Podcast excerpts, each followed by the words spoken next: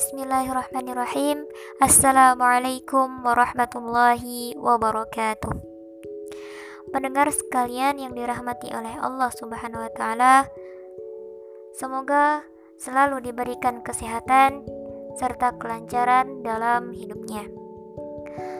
Baiklah, pembahasan kali ini saya akan membahas mengenai tabarruj. Secara bahasa, tabarruj yaitu menyingkapkan dan menampakkan diri sehingga terlihat pandangan mata. Dalam artian bahwa tabarruj lebih kepada menampakkan perhiasan dan kemolekan yang justru seharusnya ditutupi. Karena dapat mengundang syahwat laki-laki, seperti mempertontonkan rambut, leher, serta perhiasan seperti kalung, permata, dan yang lain yang sejenisnya. Kemudian, kata tabarus tersebut dipergunakan dengan arti keluarnya perempuan dari kesopanan, menampakkan bagian-bagian tubuh yang vital yang mengakibatkan fitnah atau dengan sengaja memperlihatkan perhiasan-perhiasan yang dipakainya untuk umum.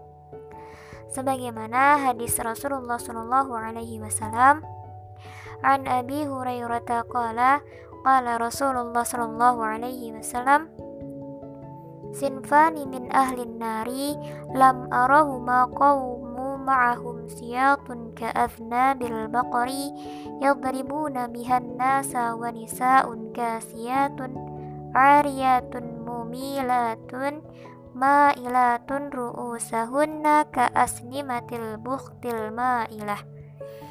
La yadkhulnal jannata wa la yajidna rihaha wa inna rihaha la yujadu min masirati kada wa kada yang artinya dari Abu Hurairah ia berkata Rasulullah Shallallahu Alaihi Wasallam bersabda dua golongan penghuni neraka yang belum pernah aku lihat yaitu kaum yang pembawa cambuk seperti ekor sapi yang dengannya ia memukuli orang dan wanita-wanita yang berpakaian tetapi telanjang mereka berlenggak-lenggok dan condong dari ketaatan.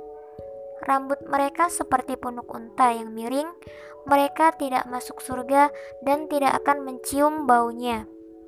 Padahal sesungguhnya bau surga itu tercium dari perjalanan sejauh ini dan ini. Hadis riwayat Muslim. Nah, makna berpakaian tetapi telanjang adalah dia menutupi sebagian auratnya tetapi menampakkan sebagian yang lain. Kemudian ada pun macam-macam dari tabarruj tersebut. Yang pertama yaitu tabarruj dalam berpakaian. Yang kedua, tabarruj dalam perhiasan. Yang ketiga, tabarruj dalam berjalan. Nah, beberapa contoh wanita yang berpakaian secara berlebihan. Yang pertama, wanita yang memakai pakaian tetapi auratnya masih terlihat, seperti memakai celana pendek, busana mini, dan lain sebagainya, yang hal itu masih terlihat lekukan-lekukan di dalam tubuhnya atau di sebagian tubuhnya. Kemudian, yang kedua, wanita yang mengenakan pakaian tipis sehingga warna kulitnya masih terlihat dari luar. Yang ketiga, wanita yang memakai pakaian ketat sehingga lekukan tubuhnya terlihat dengan sangat jelas.